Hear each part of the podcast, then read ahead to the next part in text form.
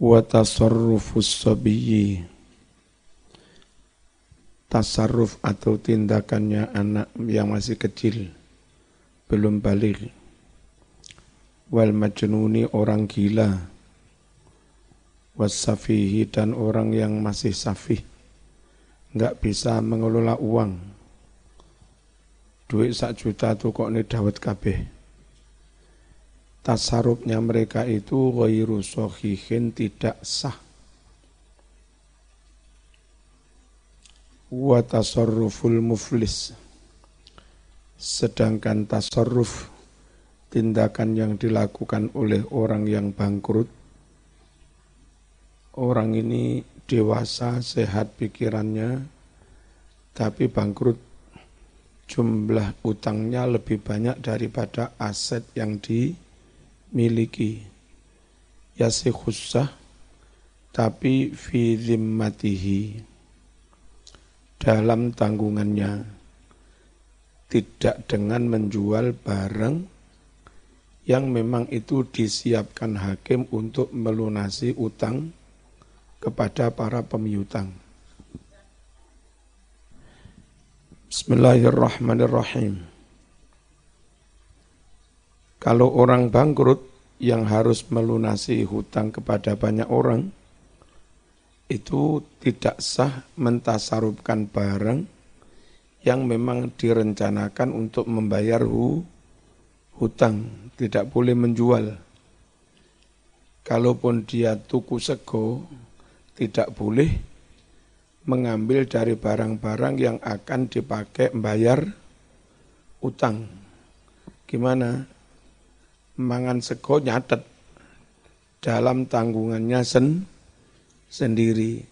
Wa tasarruful muflis yasihu fi zimmatihi tuna a'yani malihi. Tidak sah tasarrufnya orang bangkrut pada hartanya yang ada, hartanya yang yang, yang ada kalau sekarang harta yang sudah dicatat, diinventarisir oleh pihak mau jaksa apa pengadilan sini? Hmm? Jadi harta yang sudah masuk dalam apa uh, catatan oleh pihak berwenang yang direncanakan untuk dijual untuk membayar hu, hutang itu tidak boleh ditasarufkan oleh si muf, muf, muflis. Kalau orang sakit keras, bolehkah dia mensedekahkan, mewakafkan, menjual, watasorruful marid, sedangkan tasarrufnya orang yang sakit keras, fi maza ta'ala thuluth, tentang harta aset yang nilainya melebihi sepertiga, mauqufun itu digantungkan. Ala ijazatil warasah atas persetujuan para ahli ahli waris. Mimpa'tihi setelah mangkatnya si orang yang sakit itu setelah matinya marid. Wa tasarruful abdi sedangkan tasarrufnya seorang budak si dadi budak wani-wani utang itu menjadi tanggungan budak apa menjadi tanggungan majikan? Yakunu fi zimmatihi. Tasarrufnya budak itu ada dalam tanggungan si budak yutba'u diikutkan tanggungan itu bihi dengan si budak ba'da itqihi setelah si budak itu mer, merdeka. Nanti setelah budak merdeka, iso nyambut gawe, dia tetap wajib membayar utang yang dilakukan saat masih jadi budak. Ramadan Wis. Mas Alal. Alal. Mas Habib. Habib mengganti ya?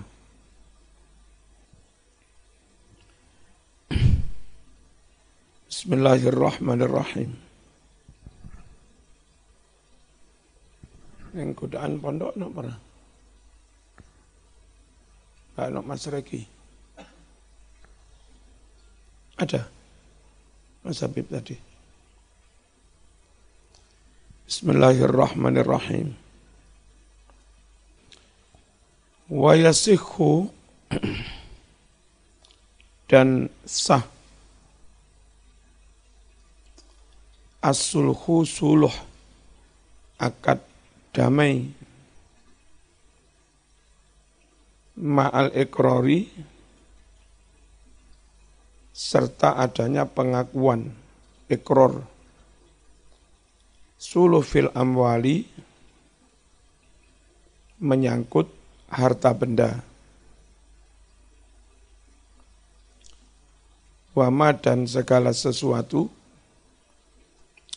afdo yang berdampak berimplikasi ilaiha terhadap amwal harta benda.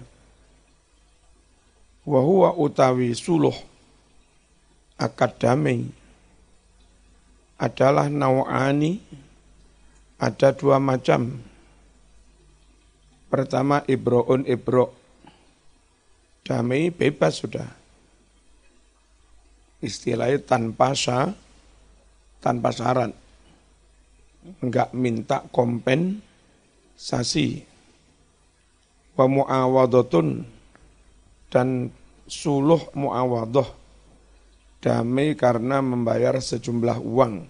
Ganti rugi kompensasi fal ibra'u suluh ibro adalah iktisaruhu min haqqihi ala ba'dih orang mencukupkan diri ala ba'di hanya kepada sebagian dari haknya. Tidak mengambil semuanya. Dan yang lain dibebaskan. Wala yajuzu ta'liquhu ala syartin. Dan tidak boleh menggantungkan suluh ibro kepada syarat namanya bebas tanpa syarat. Wal mu'awadatu suluh mu'awadah suluh tapi dengan adanya kompensasi ada iwat adalah uduluhu an haqqihi orang berpindah dari haknya jadi tidak jadi menuntut haknya tapi ila ghairi kepada bentuk yang lain waya dan berlaku alaihi atas suluh muawadah hukmul bai'i yang berlaku hukum tentang jual beli. Keterangan tentang ekror. Sah suluh disertai ekror. Ekror minal mudda'a alaih. Dari orang yang dituduh kalau di pengadilan apa namanya? Di Hah? Dituduh itu apa? Terdakwa, ya. Minal mudda'a alaih dari terdakwa. Ngakoni bil mudda'abih tentang barang yang dituduhkan al-musolahi alaihi yang diakati damai. Jadi di eh, pengadilan kalau ingin damai syaratnya si tertuduh mengakui kesalahannya dulu. Nggih kula salah. Sing garakne mobil bundas niki kula. Terus barulah ditawarkan da, damai. Jadi nggak mungkin akad damai tapi nggak mengakui kesal, kesalahannya dulu. Jadi sampean mestinya harus membayar ganti sekian juta setelah mengakui kesal, kesalahannya. Ya, siapa iki? Wes aku nggak nyalu ijol. Clear ya, clear. Tapi juga clear bahwa dia sah, salah. Terus wama afdo ilaiha Nah damai begitu, boleh damai menyangkut harta benda kayak itu tadi, mobil besok, atau nyolong, setelah ngakui kesalahannya, pun kulo sepunten. Tapi setelah menga, mengakui, atau bukan benda, tapi ujung-ujungnya juga bisa menjadi harta ben, benda. Ay maksudnya ma damai atas barang-barang ya ulu yang akan yang akan menjadi amruhu perkaranya ma itu ilal ambali juga akan menjadi ben apa harta benda damai atas suatu kasus yang kasus itu enggak menyangkut harta benda. Coro neng kene bukan pengadilan petun, bukan PTU, bukan PTUN, tapi toh nanti juga bisa dikompensasi dalam bentuk harta benda, uang. Kaman seperti orang istahako yang berhak kisoson menuntut kisos. Ala akhor atas orang lain. Fasalahahu lalu orang itu ngajak damai kepada orang lain. Minhu dari tuntutan kisos. Kayak Saudi kan sering tuh ada TKI mau pengadilannya bener ora bolak balik TKI ini sing salah. Lalu kena vonis. Apa? Apa ngarani kono? Dipenggali. Di Pancung, kena vonis Pancung, tapi juga menawarkan ganti rugi 15 M. Mau enak wong Saudi golek duit. Nyekel TKI dituduh membunuh oleh wis. Kadang-kadang ya rapatek masuk akal TKW, TKI perempuan, kayak lating kayak ngirisi Brambang. Jadi ini dengan itu dia membunuh majikan kayak majikan lanang. Terus tika ini wedok wis tuwek bisa niki piye? Kayak opo yo iso? Lah ya mesti kalah karo wong Arab lanang sakmono ini. Bolak-balik saben ada kasus begitu, setahu saya belum pernah dengar yang Saudinya kalah dalam pengadilan sana. Mesti TKI-nya yang Allah. Repot tapi juga kedoknya hukum is Islam. Aslinya bukan kasus harta benda, tapi toh bisa damai dengan harta benda. Wal aslu utawi dasar dalil fi masyru'iyatihi mengenai disyariatkannya Sulah. Qauluhu adalah firman Allah. Wassulhu khair. Nah, ini keliru-keliru. Ini mekur sot sama hak. Kano lame gini. Mana mau biaya? Ini membuat surat protes bahwa Ya, biar enggak diulangi lagi. Resmi pengurus pondok sini kirim surat ke toko kitab Al-Hidayah Yelo Sasai. Saya khawatir apa memang ada kesengajaan mulai dimasuki Wahabi-Wahabi yang punya program ngacau kitab-kitab kuning begini. atau memang kurang profesional? Ya. Ini sasak ampel itu. Al hidayah le Arab Arab. Arab wasulhu khair ini Quran saja kurang ya padahal Quran ini hurufnya kurang damai itu lebih baik daripada terus tuntut menuntut. Jadi enggak ketemu Mas lagi. Tapi sudah sholat. Wa qawluhu sabda Nabi Muhammad sallallahu alaihi wasallam. As-sulhu jaizun bainal muslimin.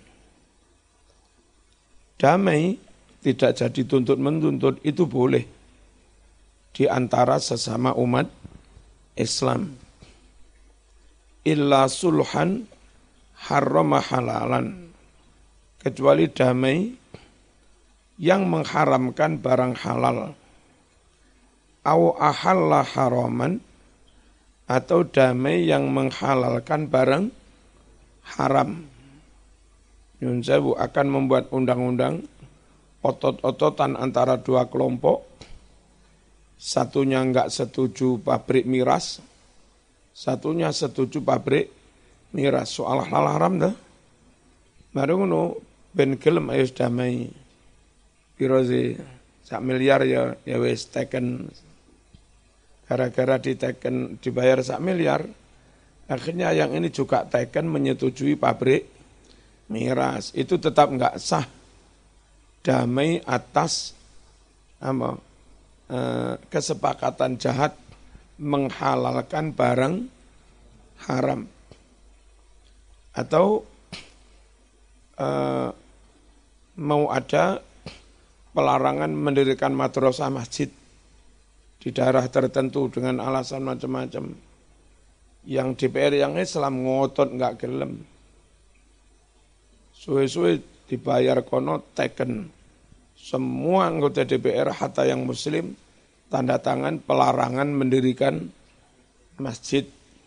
Ini namanya mengharam, mengharamkan barang halal bukan hanya halal wajib. Ya. Nah, pokoknya kalau soal ajaran agama nggak boleh pakai apa dirubah pakai kompensasi. wal muslimuna ala surutihim. Dan umat Islam itu bergantung atas perjanjian di antara mereka. Illa syarton harrama halalan, kecuali syarat perjanjian kalau di sini jadi undang-undang regulasi yang mengharamkan barang halal, aw ahalla haraman, atau menghalalkan barang haram. Itu enggak boleh.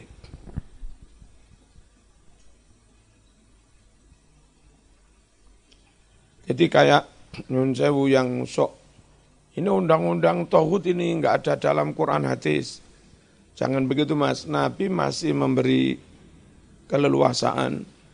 Boleh membuat perjanjian, perjanjian sesama anak bangsa, yang disepakati bersama untuk mengikat hidup di antara mereka itu namanya undang undang-undang.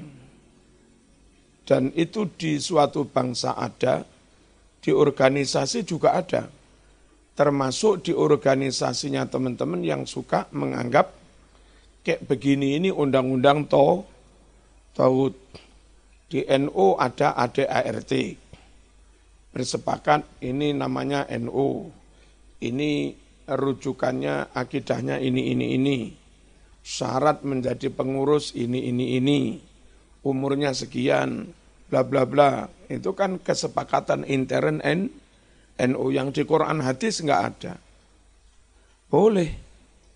Al muslimuna ala suruh tihim. Umat Islam itu terikat dengan syarat kesepakatan yang dibuat di antara mereka.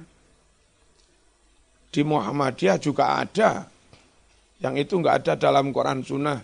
ADART Muhammadiyah, organisasi ini begini, syarat keanggotaan begini, syarat pengurus seperti ini, kewajiban pengurus seperti ini, eh, masa baktinya sekian tahun, sah itu begini, kalau ini enggak dipenuhi berarti enggak, enggak sah teken bersama.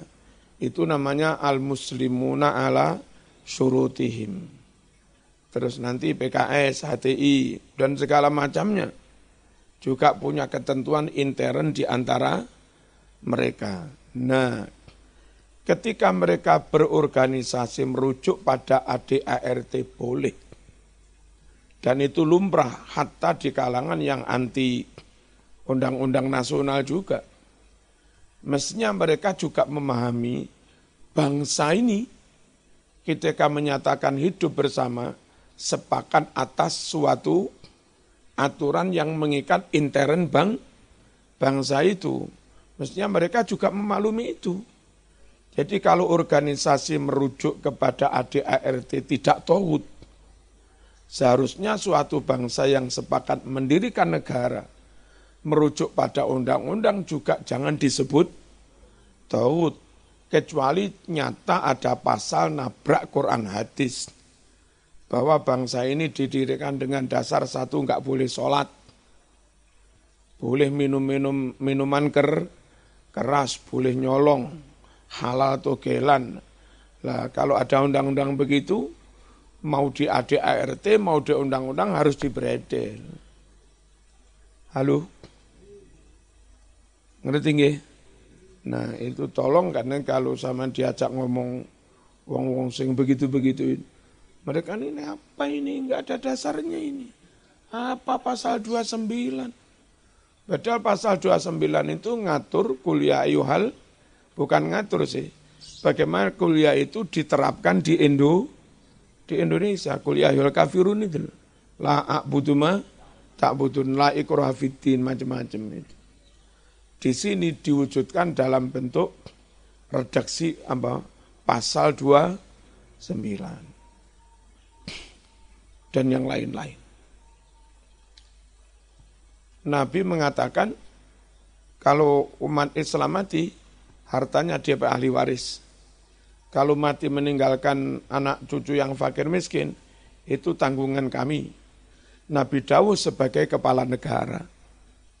Bahwa kepala negara wajib menanggung warganya yang miskin. Itu dawuhnya Nabi.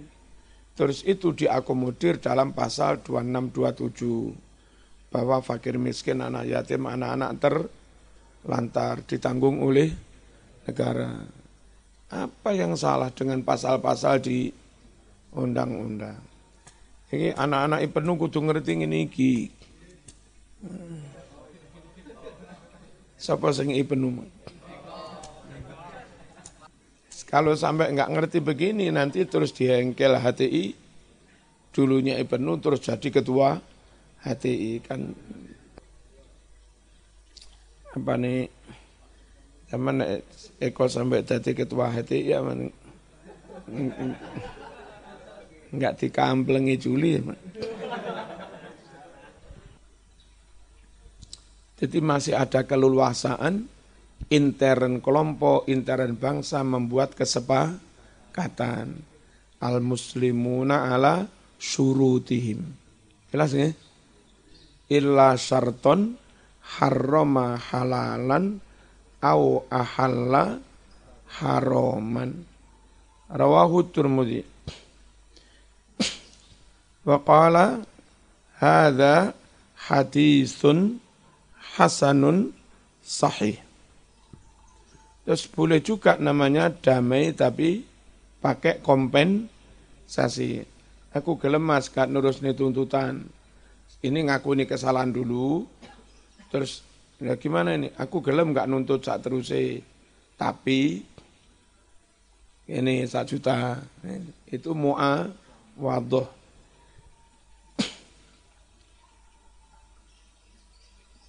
Dan kalau sampai muawadoh, maka terjadi hukum yang berlaku dijual beli min subuti khiyaril majelis, yakni tentang adanya khiyar majelis. Wasyarti dan khiyar, khiyar majelis itu begini, di majelis di pengadilan itu gimana ini? Nggih pun kula mboten nuntut. Tapi pokok meriku gelem bayar rong juta. Asal belum meninggalkan majel, majelis, dua orang itu masih bisa mewurungkan kesepakatannya. Gak situ wis, tak tetap tuntut aja. Ya, jadi berubah itu masih bisa. Seperti apa kita membeli, kira mas, tolong ewu, hmm, barang dijupuk, tapi belum bisa, masih di situ. Eh Kak Sito, ikuai, itu masih boleh. Namanya khiar majelis. Dalam akad suluh muawadho ini, wis tok deal, Biro, wis rasito tak tuntut, tapi bayar rong juta. Turung bisa, mikir man, eh Kak Sito tak tuntut aja. Hmm. Masih boleh. Asal belum meninggalkan uh, ruang ruang si ruang sidang, majelis.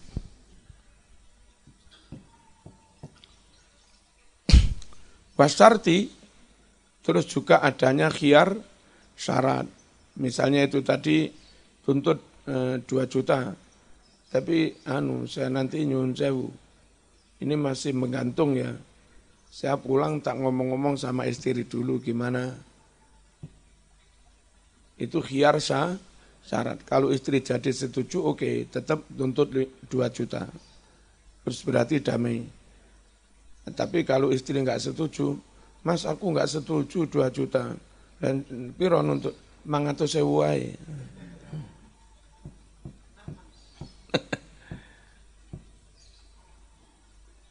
Bismillahirrahmanirrahim. Warati dan adanya khiar mengembalikan barang bil uyubi karena ada cacat, ada a, aib, wa ghairi dan yang lain-lain.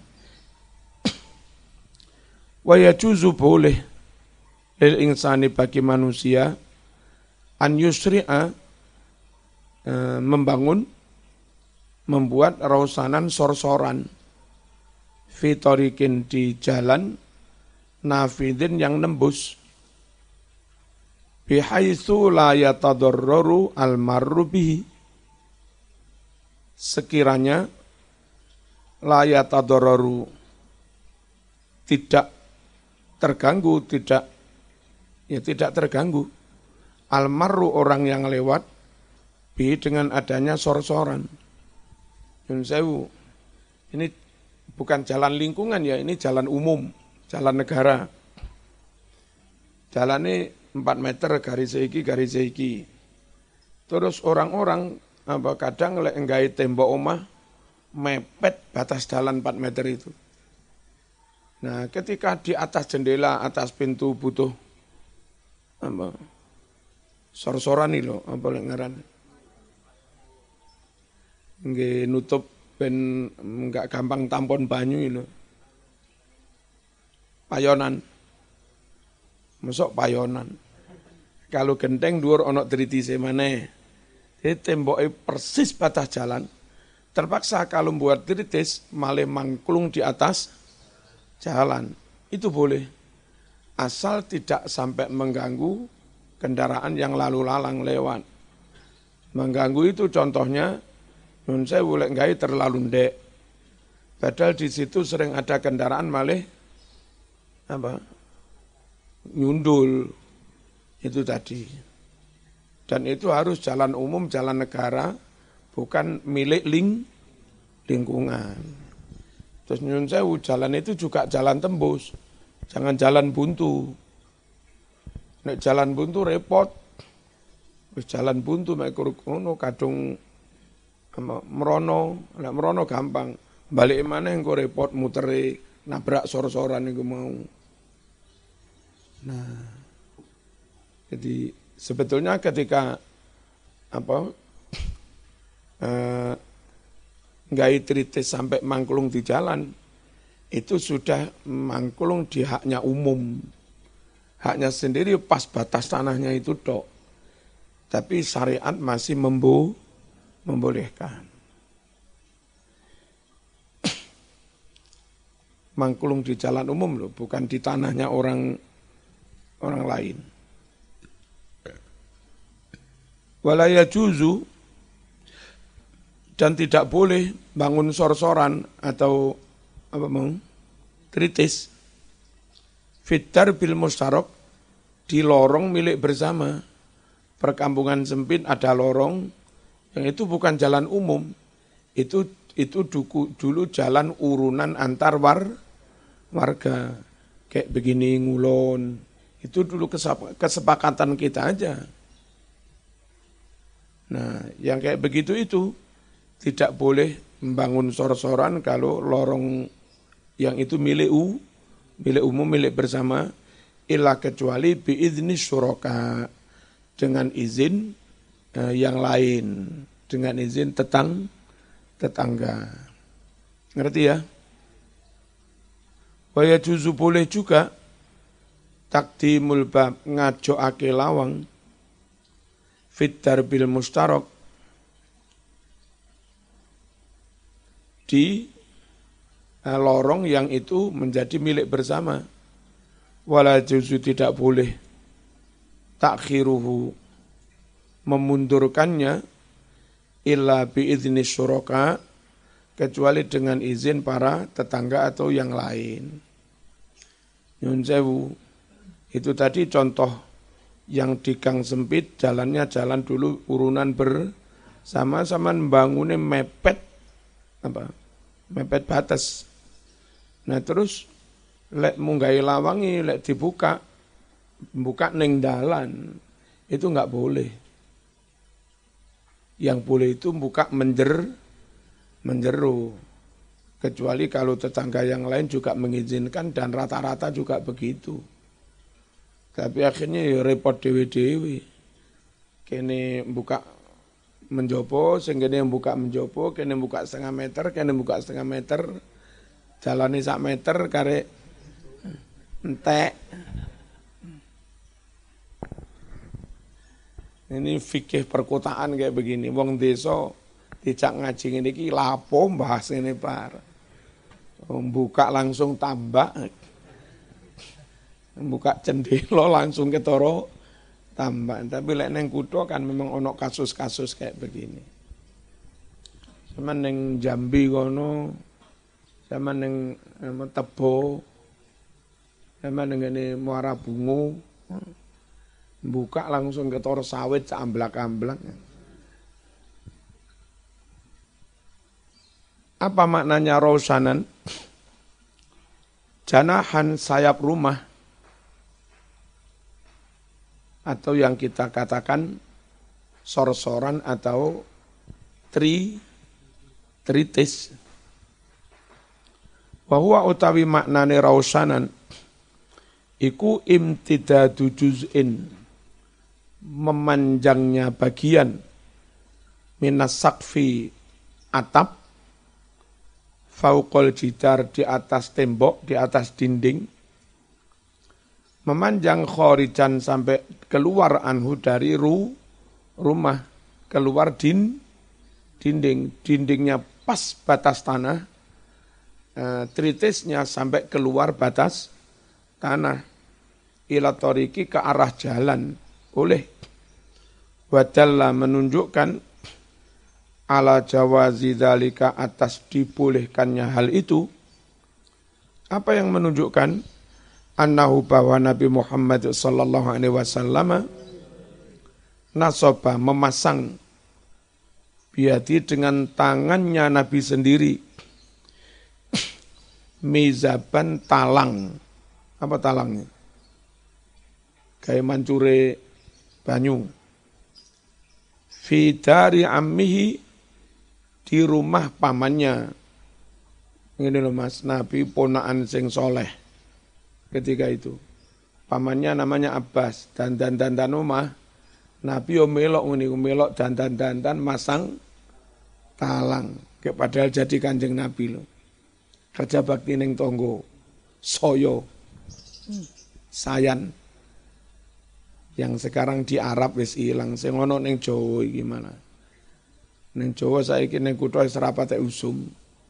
Ono ning desa tanggane adek Omah pasang kuda-kuda sik murah.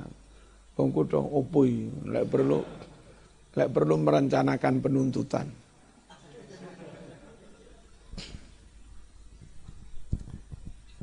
Masyarakat kota lebih banyak menuntut daripada meno menolong.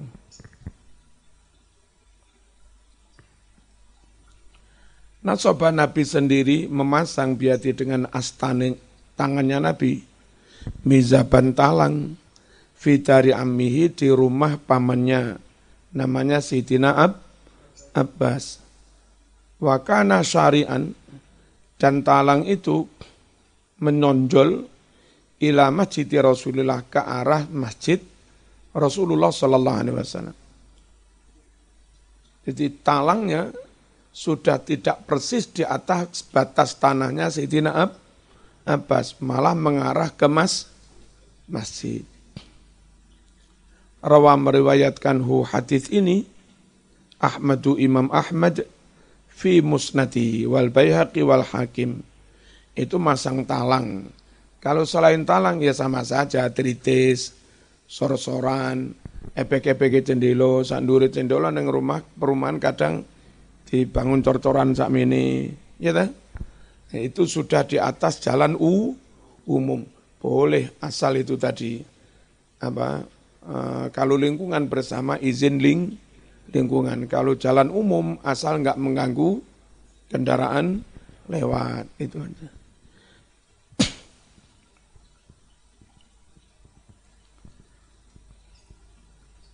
Fa'in tadororo jika terganggu bi dengan tritis atau sorosoran ahadun seseorang kalmaroti kaya orang-orang yang lewat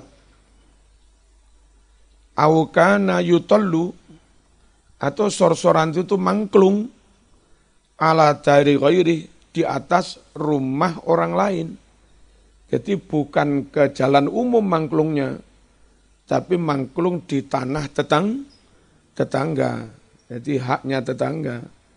Zaman gak rumah tingkat itu, tonggomu, apa, mekur tingkat siji gaya jeding, turun gaya atap. Itu enggak boleh mas. Nah, tonggomu jedingnya enggak ono payone. Sama duwe lantai loro telu papan. Kuatir engko teko lantai telu nginceng bojone tonggomu adus mau inceng nggak oleh. Atau mangklung di rumah orang lain. Fa'innahu maka yang demikian ini, ini hakim harus ngerti begini, atau DPR yang akan menggarap apa regulasi, bikin undang undang-undang, biar undang-undangnya nggak nabrak syari, syariat. Maka nilai iso ya tetep ono mas santri sing tadi DPR. Nek gak ono santri plus neng kono, siapa yang ngawal ajaran-ajaran begini ini? Jangan-jangan muncul undang-undang terus ini. Sungguh yang demikian itu yumna'ud minhu harus dicegah, dilarang. Dikaulihi karena sabda Nabi Sallallahu Alaihi Wasallam.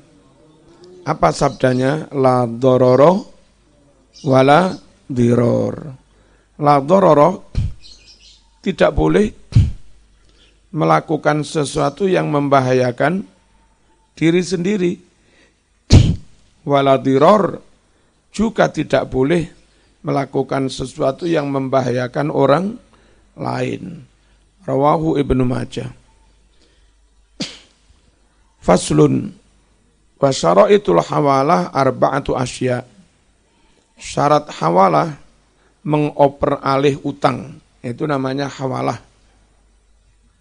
Syaratnya ada empat. Mengoper alih utang itu begini. Uh, sebagi. Uh, Eko Amjad karo Juli.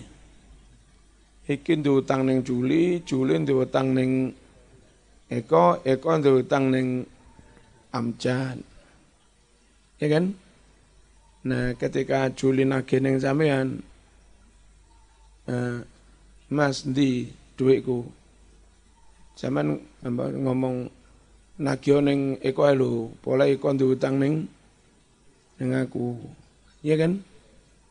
Nah, itu nanti kalau Juli setuju, Itu namanya apa? Ada akad pengoperalian tanggung jawab nyaur utang. Begitu disepakati, maka amcat langsung bebas. Enggak wajib nyaur utang dengan ini Juli. Perkara tiba Juli kangelan nagih ning Eko. Eko super bulet. Eko wis urusane Juli karo Eko. Sama merdeka.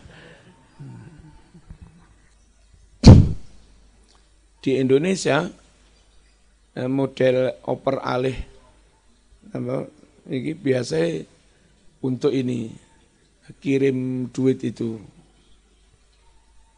ada perusahaan namanya pos atau bank.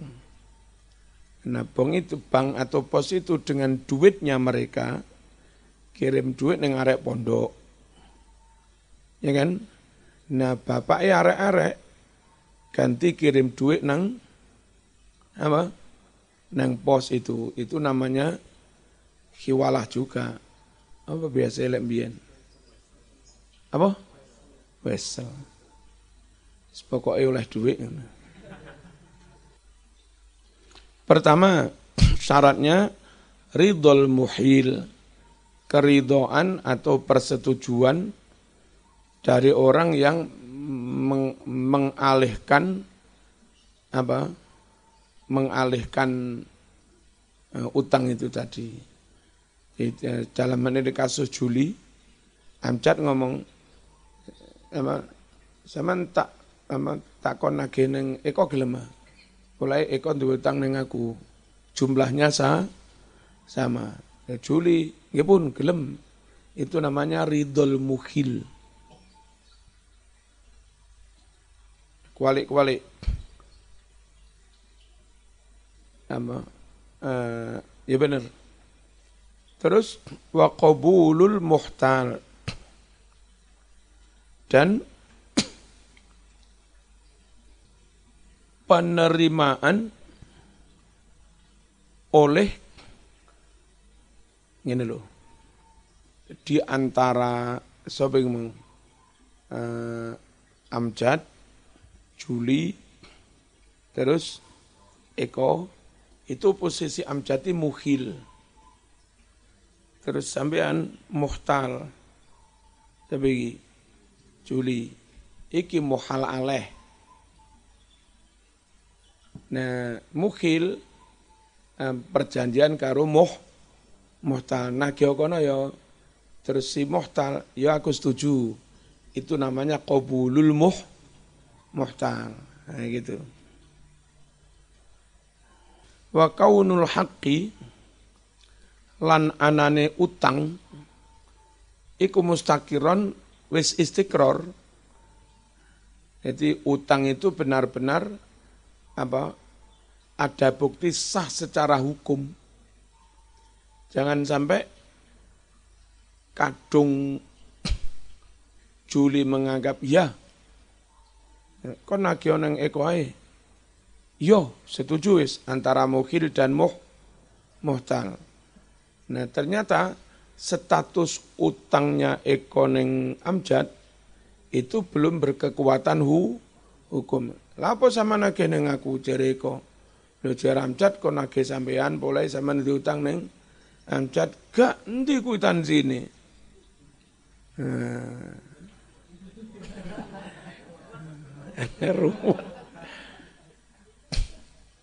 Jadi syaratnya utang yang ada di Eko itu juga memang sudah utang berketetapan hu, hukum istiqror.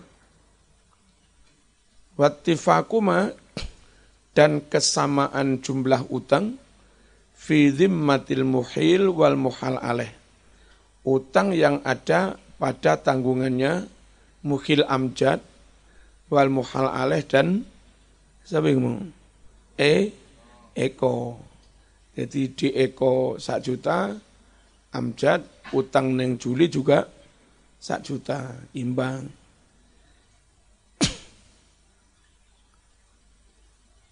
Terus utangnya pada duwi e. Dene utang-utang lain yang nggak bisa. Nah ning eko apa? Biyen eko ngepek calon kue. Dia belum bayar kompensasi. Utang itu sama, fil jinsi mengenai jenis utangnya sama-sama duit. Wanaui kualitasnya, kalau dolar, dolar, kalau real ya real, kalau, rupiah juga rupiah, kalau jagung sama-sama jagung, beras sama-sama beras. Wal hulul dan sama-sama te, jatuh temponya. Sama. Uh, nyun sewu utangi Amjad neng Juli per satu Juli utangi Eko neng Amjad juga per satu Juli. Jadi jatuh temponya sa, sama. Watakjil dan temponya juga sama. Kalau sama-sama mundur setahun ya sama-sama mundur setahun.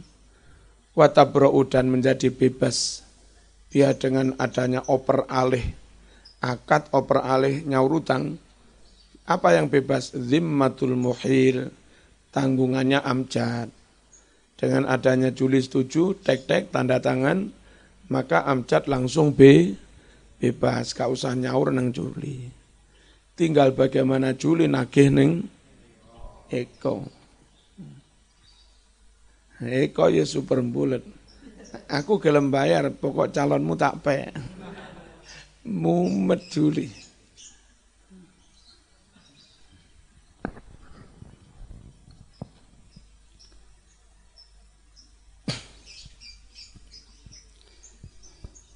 Wong Eko itu pinter.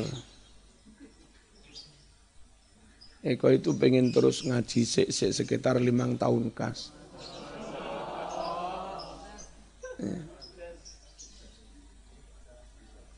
Nah, khawatir kalau dandanan rapi seterusnya malah dikepingin mbak-mbak terus nggak situ terus nih ngaji.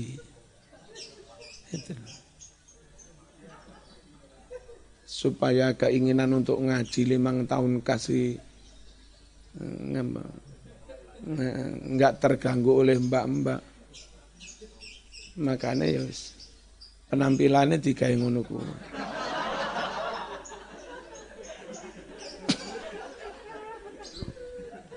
Niku lek dadak penampilan ganteng-ganteng kan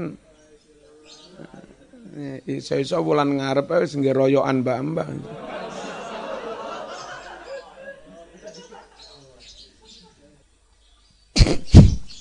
Wa yasikhu sah dhamanud tuyun al mustaqirrah menjamin utang al mustaqirrah fi dhimmah utang yang keberadaannya sudah tetap berkekuatan hu, hukum.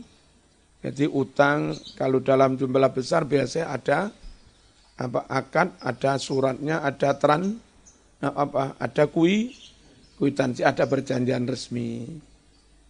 Nah, eh, kasusnya sering begini. Ada uang butuh banget tapi nggak punya apa agunan, ya kan? Eh, terus ada orang yang memang dipercaya oleh bank. Terus nggak apa-apa utang Karena ada yang jamin, bank akhirnya meloloskan. Eh, dengan harapan nanti kalau ternyata orang ini nggak bisa nyaur, maka yang mencicil ke bank yang menjamin. Eh, setelah nanti pok, taruhlah sampai 50 juta, maka yang nyicil ke bank ini ganti nagih ke itu tadi. Itu menjamin. Menjamin utang orang lain itu boleh. Idza ulima qadruha apabila diketahui jum jumlahnya wali sahib, wali sahibil haki dan boleh bagi pemiutang. Apa dalam hal ini bank yang mengeluarkan kredit, bank boleh mana? Batu man sya'a. Menagih siapa pun yang dia mau. Minad dhamin wal matmun anhu. Menagih kepada yang jamin boleh. Menagih kepada yang di di jamin juga boleh. Nah, jadi misalnya utangi seket juta per bulan nyicil satu juta satu juta. Nanti uh, ono catatan semua. Apa bulan keberapa sing bayar yang jamin. Bulan keberapa yang bayar yang dijamin. Akhir uh, penutupan. Terus kalau sudah menutup kan barang yang dijaminkan bisa dikeluarkan dua-duanya dipanggil. Ini berdasar catatan eh, saman bayar sekian kali, ini bayar sekian kali. Tanggunganmu kepada ini, kepada yang jamin, misalnya 25 juta. Nah, gitu.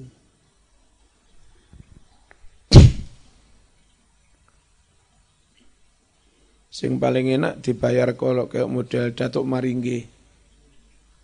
Nah, dibayar dengan Siti Nur Nurbaya, Sakno Siti Nurbaya. Idza kana dhamanu idza kana nalika ana ad-dhamanu jaminan adalah alama bayanna sesuai dengan apa yang telah kami terangkan.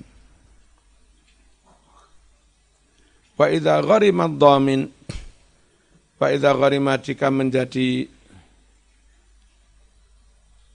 nanggung ad si penjamin sering bayari raja'a. Maka boleh nakih si domin alal madmun anhu nakih kepada apa? Orang yang dijamin yaitu tadi. Idza kana dhaman wal qada bi idnih jika eh, jaminnya dan pelunasan utang itu memang seizin orang yang dijamin. Ini mas. Ada orang utang di bank. Tahu-tahu ada orang mungkin saking api eh, datang ke bank, eh utang wong iku tak cicilane. Setiap kali orang ini mau nyicil, banknya bilang wes enten sing nyicil. Ada yang jamin, tanpa memberitahu tanpa i, izin. Nah kayak begini ini nanti kalau setelah pok bangi, orang ini nggak bisa nuntut kepada yang dijamin membayar-bayar sakarpe dewe kok. Ya. Nah, boleh nagih kepada yang dijamin asal jaminnya dulu dan bayarnya utang itu biidnihi dengan izin orang yang dijamin. Walayasihu domanul majhul dan tidak sah menjamin jumlah utang yang belum diketahui. Mas, aku tak utang jaminan yo, lah piro sakarepku. Pirang juta sakarepku. Ya wis, ya wis tenan. Itu enggak sah, tetap enggak sah. Meskipun meskipun ngucap ya wis. Kenapa? Karena jumlahnya enggak jel, enggak jelas, majhul, enggak sah. Wala malam yajib, wala tidak pula sah menjamin ma utang lam yajib yang belum istiqror, yang belum berketetapan hukum. Itu tadi jamin utang yang belum tentu jadi utang atau ti, tidak jamin utang yang nyun sewu eh, enggak ada alat bukti kuitansi enggak ada dan seterusnya enggak ada. Illa kecuali tarkal mabi kanggo ngijoli barang yang diju jual. Rawa meriwayatkan Al-Bukhari Imam Bukhari An Salamah ibn al-Aqwa radhiyallahu anhu qala ngucap si Salamah kunna julusan inda Nabi sallallahu alaihi wasallam. Idza utiya bidanazatin kami sedang duduk-duduk di dekat Nabi tiba-tiba datanglah jenazah. Faqalu mengucap sahabat Salli alaiha Rasul, solati jenazah itu mbok jenengan imami jenazah niki disolati monggo.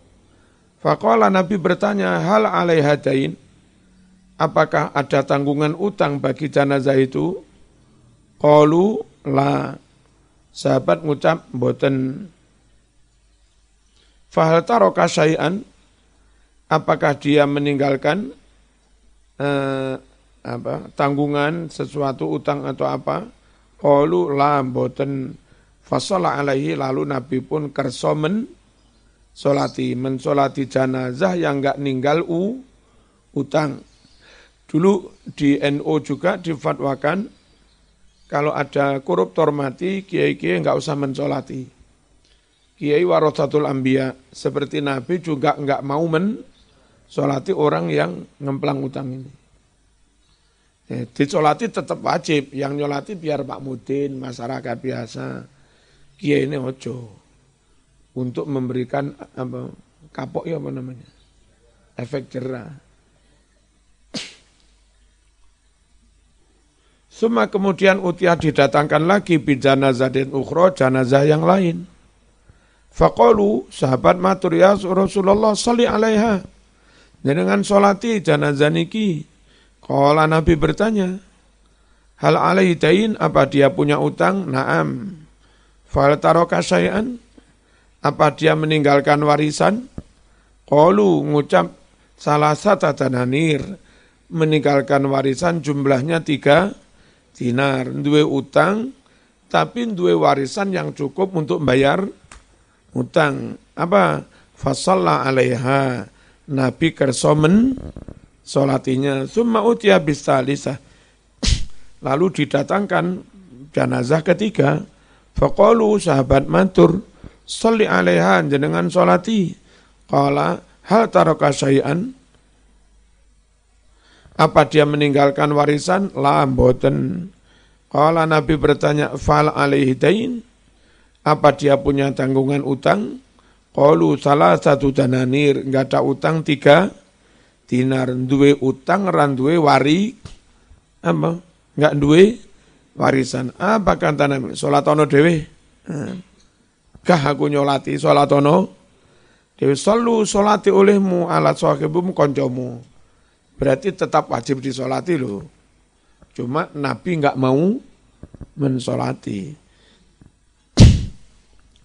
Kalau Abu Qatadah, Abu Qatadah orang mentolo mas. Onok koncone nggak disolati kanjeng Nabi. Nabi, Kulo kok ngesakaken kali Eko ni.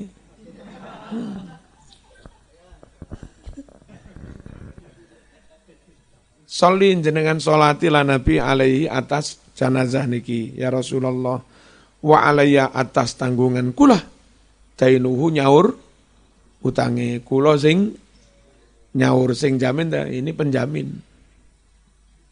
Fasalla eh, keliru harokan ini Fasolala Nabi mau mensolati alaihi mayit itu. Wa inda nasai qala Nabi sallallahu alaihi wasallam bil wafa. Ya, eh, dengan melunasi utang lo ya. Qala jauh sopo Abu Kota matur bil wafa nggih. Dengan syarat kula bayar melunasi utang. Fasolah lalu Nabi mensolati alaihi mayit. Eh maksudnya hadal ahdu alaika perjanjian atasmu antafia kamu harus melunasi hu melunasi pihutang itu. Dalam riwayat lain faqol Abu Qatadah Abu Qatadah dawuh ana atakaffalu bih. Saya yang menjam menjamin menanggung. Wa yusta'nasu dan bisa dipakai dalil juga lihada untuk hal ini dalil tentang nanggung utang Bikauli firman Allah, mana waliman ja'a bihi himlu ba'ir wa ana bihi za'im. Ini zaman Nabi Yusuf deh ini. Cerita ini loh. Waliman dan bagi siapa pun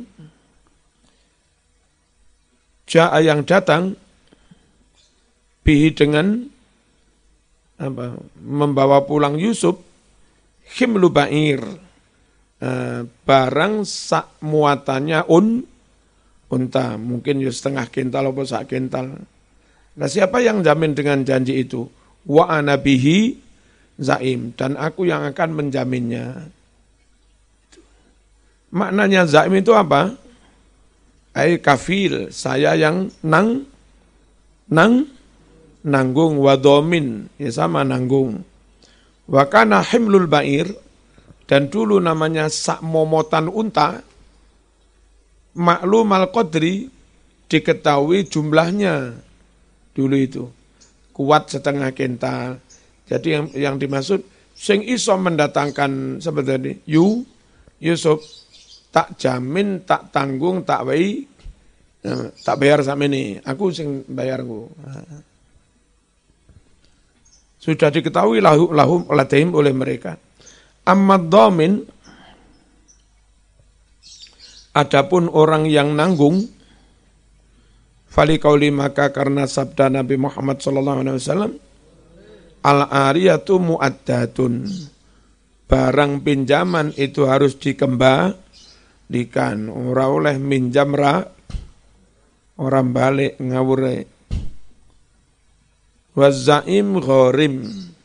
Dan orang yang nanggung berarti dia juga kokoyo utang.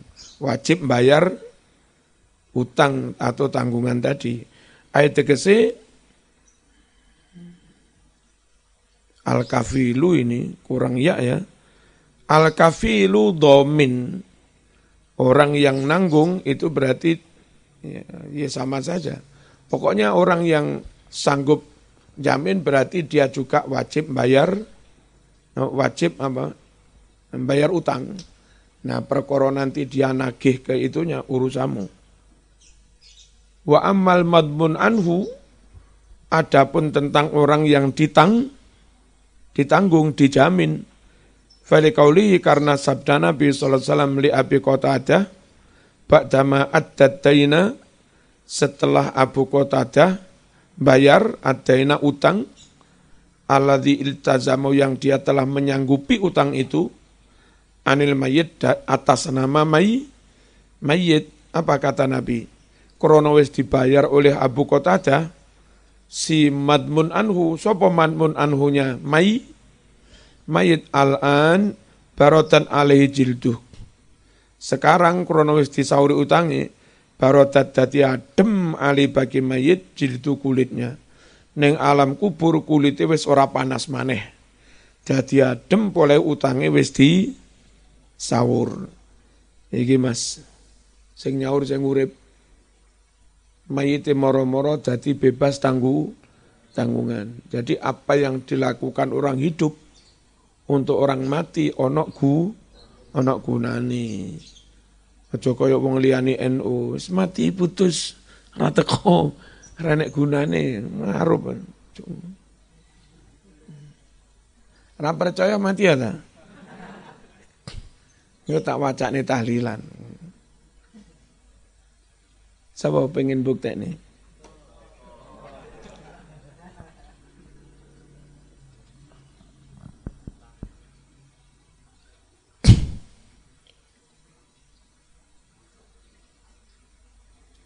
Nah, nanggung utang majhul itu tidak sah.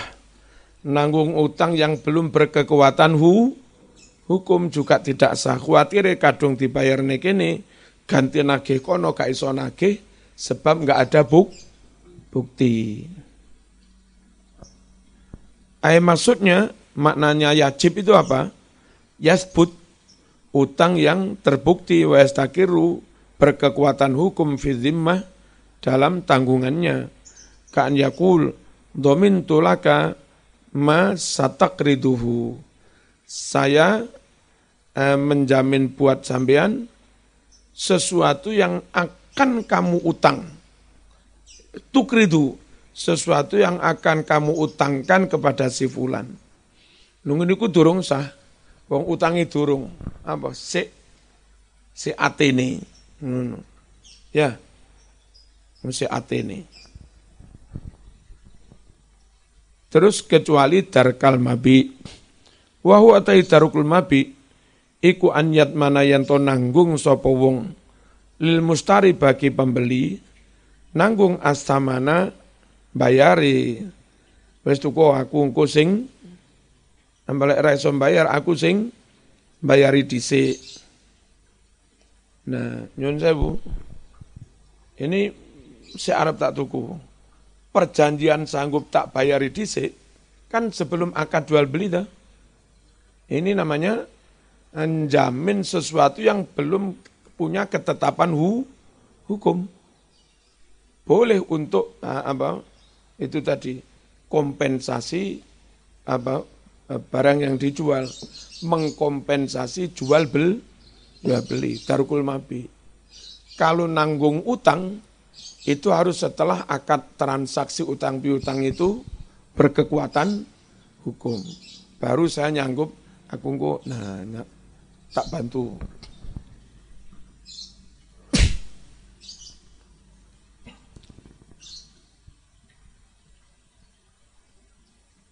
Wa huwa utawi darukul mabi anyat mana yanto nanggung sapa wong jamin kok nanggung. Lil mustari kanggo mustari asamana rego.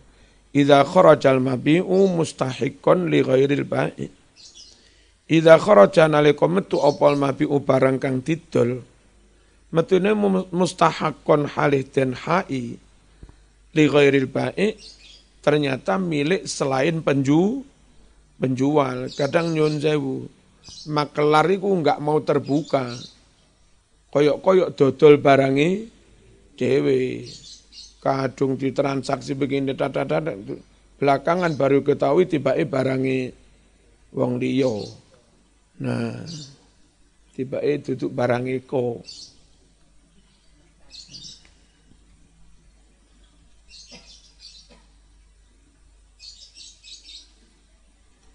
au maiban atau ternyata barangnya ca, cacat. Wa nahwi dzalika fahadha dhamanun lima lam yasbut.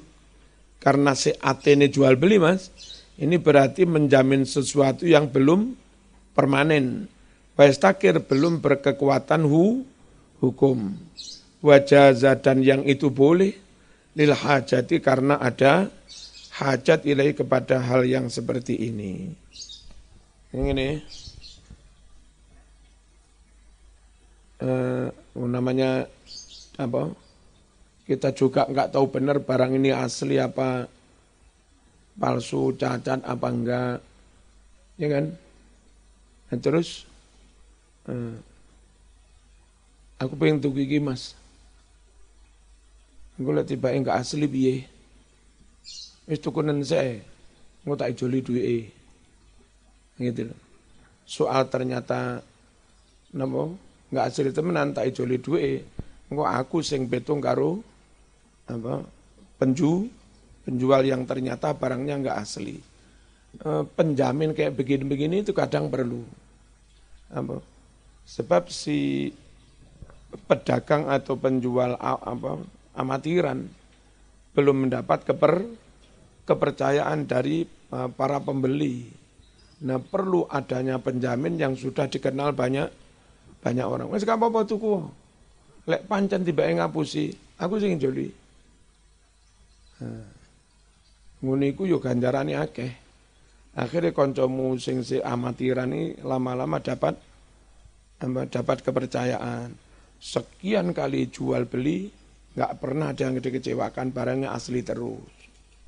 Tapi kalau nggak ada yang orang top yang menjamin begitu, yo nggak iso payu-payu kalah karo kalah karo sing lawas-lawas. Ngerti ya? Nah, begitu juga mungkin nyun sewu.